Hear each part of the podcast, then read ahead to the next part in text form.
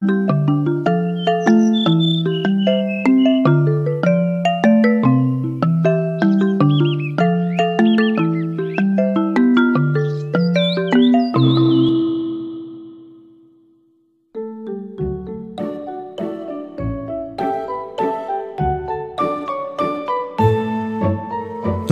praznici nose veliki emocionalni naboj i veliku količinu dobrote. Tokom vekova zajedno s novim običajima i ritualima sačuvane su i tradicije prethodnog vremena. Nova godina se doživljava i kao najvažniji dan u godini, a jedan od glavnih simbola je Deda Mraz.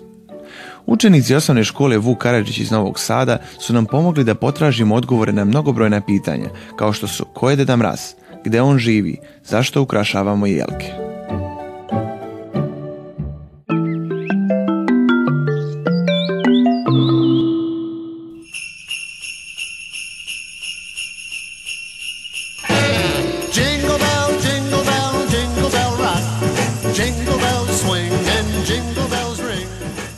Zamraz je izmišljeni lik koji donosi deci poklone na badnje veče, Božić ili na dan Svetog Nikole u zapadnoj kulturi ili za Novu godinu u istočno-evropskim državama. Verzije ime ovog lika variraju među različitim kulturama, religijama i narodima. Izvorno te hrišćanski svetac Nikola, za koga se vezivao običaj da uči Nikoldana siromašnoj i bolesnoj deci, ostavlja novčiće i slatkiše u čizmama ili čarapama, koje deca tom prilikom ostavljaju pored prozora ili pored ognjišta. Nekada davno, legenda kazuje da je sveti Nikola spasao tri devojčice, čiji bezdušni, naglo osiromašeni otac hteda da ih proda u roblje jer nije mogao da ih hrani. Da bi ih spasao, sveti Nikola je noću krijeći se od sveta kroz prozor kući u kojoj su živele tri unesrećene devojčice, ubacio svežen dukata kako bi ih spasao. Zlatne kovanjice su upale u njihove čizme i oto da dolazi ovaj običaj. Po drugoj verziji, Sveti Nikola isto učinio, ali i dukate ubacio kroz dimnjak, a oni upadoše u čarapice koje su devojčice tu ostavile da se noći osuše. Sveti Nikola je vremenom kombinovan sa drugim likovima, naročito onima iz predhrišćanske tradicije e, starih Slovena i starih Germana. Sa germanskim bogom Odinom i slovenskim zlim starcem Razom koji je otimao i odnosio nevaljilu decu. Vremenom se starac Mraz pod uticajem hrišćanstva preobratio u dobrog dekicu koji je poprimio lik i odela svetog Nikole. Po pravilu slavio se i danas se slavi zimi i dolazi deci počevši od dana svetog Nikole pa do nove godine kako kod pravoslavaca i katolika tako i u novije vreme kod svih ostalih religija i konfesija.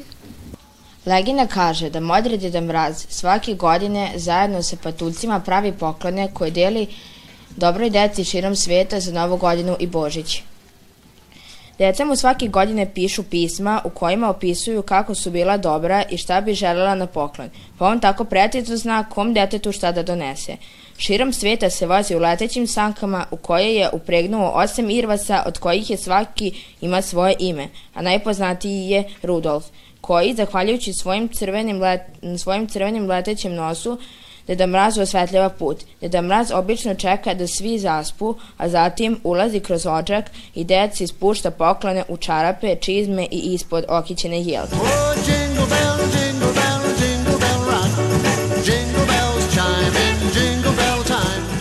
Važna rasprodaja na znanje svoj deci prodajem polovnih 12 meseci. Godina je stara, izašla iz mode pa je zato bolje u muzej da ode. Istopljenu zimu dajem skoro džabe, olinjalu jesen za dve kelerabe. Za bivše proleće tražim deset para, izbledelo leto ni pola dinara. Navalite deco iz grada i sela, nigde ko kod mene prava bagatela. Oh, the weather outside is frightful, but the fire is so delightful. And since we've no place to go, let it snow, let it snow, let it snow. Postoje mnoge priče i legende odakle je Deda Mraz.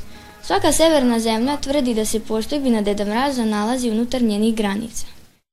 Norvežani su uvereni da Deda Mraz živi u mestu Drobak. U Danskoj se govori da Deda Mraz živi na Grenlandu u blizini ostrva Umanaka. U Rusiji zvanični dom Deda Mraza u mestu Veliki Uštjug – Kanadska pošta tvrdi da se adresa Deda Mraza nalazi unutar teritorije koja je njena nadležnost. Amerikanci su otišli najdjelje pa su svom gradu dali zvaničan naziv North Pole, čime su potvrdili znanu činjenicu da Deda Mraz živi na severnom polu. Tako je ovaj, i ovaj grad postao turistička atrakcija poznata kao Deda Mrazova kuća. Međutim, globalno najprihvaćenija je teorija da on živi u Laponiji, pokrini na severu Finske. Zabluda je, kažu Finci, da Deda Mraz živi na severnom polu. A i svi znamo da gore na nultoj tački baš niko ne živi. Tačno je da živi u blizini severnog pola manje ili više oko 2000 km odande u Laponiji. U pitanju je dobro poznato Deda Mrazovo selo u blizini grada Rovaniemi, glavnog grada e, provinicije Laponije Deda Mrazovo selo je smešteno na samoj polarnoj granici, na rubu Artičkog kruga, a Finci ga zovu vrata Laponije. Selo Deda Mraza, zahvaljujući svoje pozicije na polarnoj granici, ima vrlo neobične klimatske uslove, kao i atmosferu koja je gotovo nestvarna. Tamo sunce zimi ne izlazi barem jedan dan, a leti barem jedan dan ne zalazi. Polarna noć tamo traje gotovo mesec dana. Od sredine decembra do početka januara, dok leti sunce ne zalazi od sredine juna do početka jula. Ovde, u pećinama Laponije, Duboko pod zemljom se, prema legendama, nalaze radionice u kojima Deda Mrazovi pomoćnici, patuljci i vilenjaci tokom cijele godine prave igračke koje će Deda Mraz podeliti u oči nove godine ili Božića. Kako gde? U selu Deda Mraza i njegovoj okolini Irvas i Haskije vuku sanke Deda Mraza, a posetioci uživaju gotovo nestvarnim prizorima. U selu se nalazi i čuvana kancelarija Deda Mraza, u kojoj uvek možete da potražite pravog pravcatog Deda Mraza. U selu se takođe nalazi i pošta u koju stižu hiljade pisama dece iz cijelog sveta. Deda Mraz u svojoj kancelariji odgovara na ova pisma i prima posetioce koji mogu da mu sednu u krilo i šapnu svoje novogodišnje želje.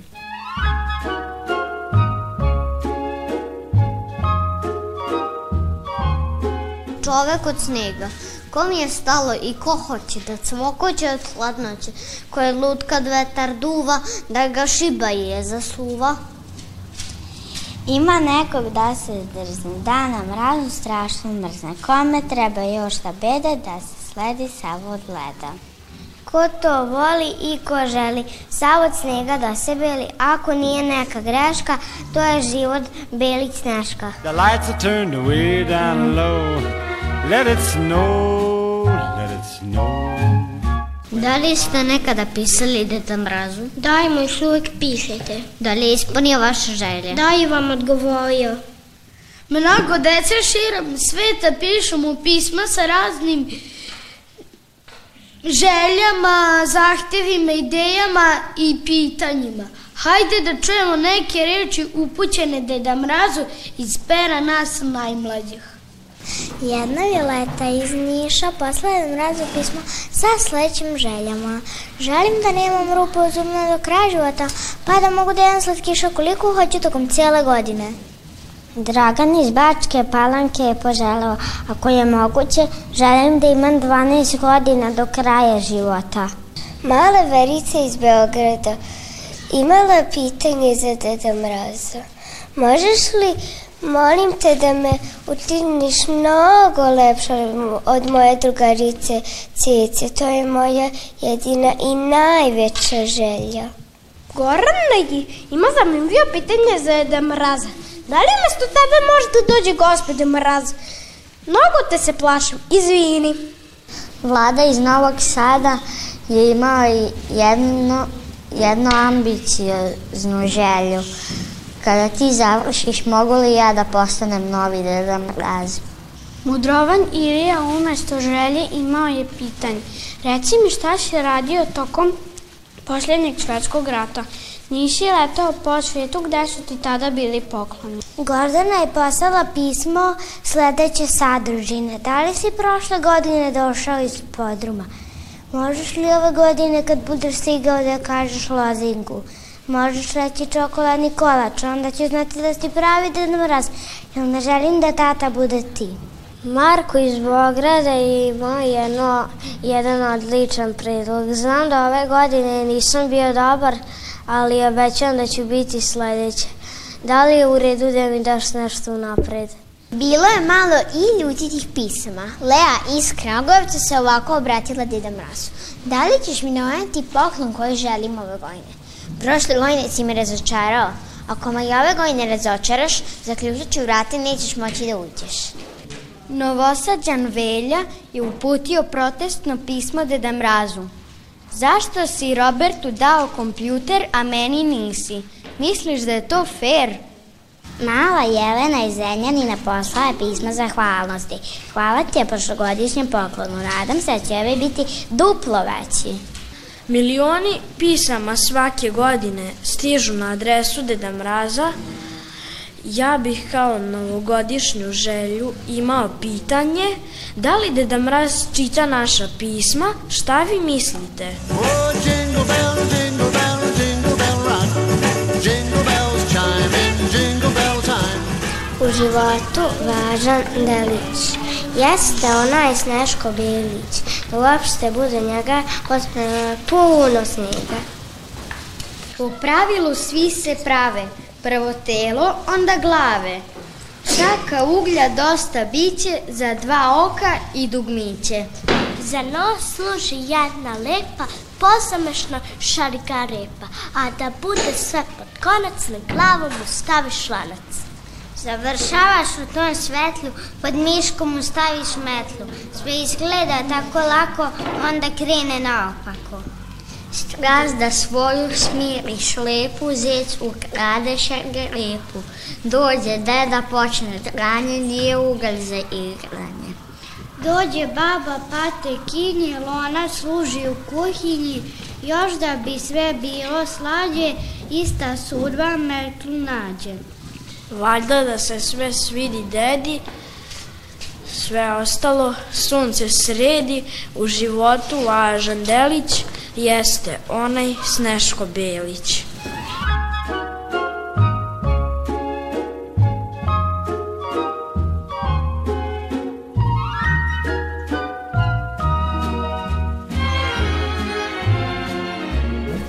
Širom sveta, pa tako i kod nas, ustaljen je običaj da se za novu godinu ki, e, ukrašava zimzano drvo i na taj način unese dašak prirode kroz prazničnu atmosferu u svaki dom.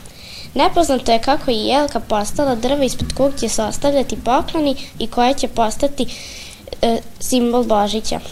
Pretpostavlja se da je to zbog toga što je jelka zimzalana, njeno lišće, odnosno iglice su zelene cele godine. U starom Egiptu jelka se zbog ovoga smatrala svetim drvetom. Možda i zbog toga što je njen oblik potaćao i na piramide. U antičkoj Grčkoj jelka je bila posvećena rađanju, a u nekim delovima Azija smatra nekosmičkim drvetom zasađenim u centru univerzuma. Postoje mnoge legende o tome zašto se kiti jelka za Božić. Jedna legenda kaže kako je neki čovek na badnje veče pošao u šumu po drva, a onda je ugledao jednu jelku koja je bila okovana ledom, a kroz grane na njenom vrhu se probijala svetlo zvezda. Bio je toliko očaran prizorom da je otišao kući i pokušavajući svoje ženi i deci da dočara šta je video, na drvo jelka je stavio bele trake i sveću da bi im pokazao kako je izgledala ta jelka okovana snegom i ledom, dok je sveća dočaravala svetlo zvezda. Neki podaci govore da je, prva jelka okićena 1605. godine u Strasburu, da su sa nje visele jabuke, ušećereno voće i sveće od papira, a sve to je simbolizovalo život i plodnost. Zabeležena je priča koja kaže da je jedna nemačka vojvotkinja pripremala doček nove godine u svom dvorcu, početkom 17. veka. I kada su sve pripreme bile pre kraju, primetila je jedan ugao koji je izgledao prazno u odnosu na ostatak prostorije, u kojoj je trebalo da primi goste. Izašla je u vrce da prošeta i tada je ugledala malu jelku. Pomislila je kako bi ta jelka lepo izgledala u onom praznom uglu. Pozvala je baštovane i zamolila ih da iskopaju jelku iz zemlje. Stavaju saksiju, stavaju onaj prazni ugoj koji joj nije dao mira. Jelke su se tako uselile u domove. A onda 1846. godine kraljica Viktorija i princ Albert su se fotografizali sa svojom decom ispred okićene jelke. Ova fotografija objavljena je u londonskim ilustrovanim novostima dovela je do toga da su svi odjednom počeli da kite jelku, naročito plemićke porodice, a običaj se veoma brzo proširivao i u Ameriku. Ljudi su dugo kitili jelke, voćem, morasim, urmama i suvim šljivama. Sve je to bilo rado za decu i simbol blagostanja. A onda su se pojavili stakleni ukrasi. Prva veštačka jelka od plasnike napravljena je negde oko 1880. godine u Nemačkoj, kako bi se prave jelke sačuvale. Let it snow, let it snow, let it snow.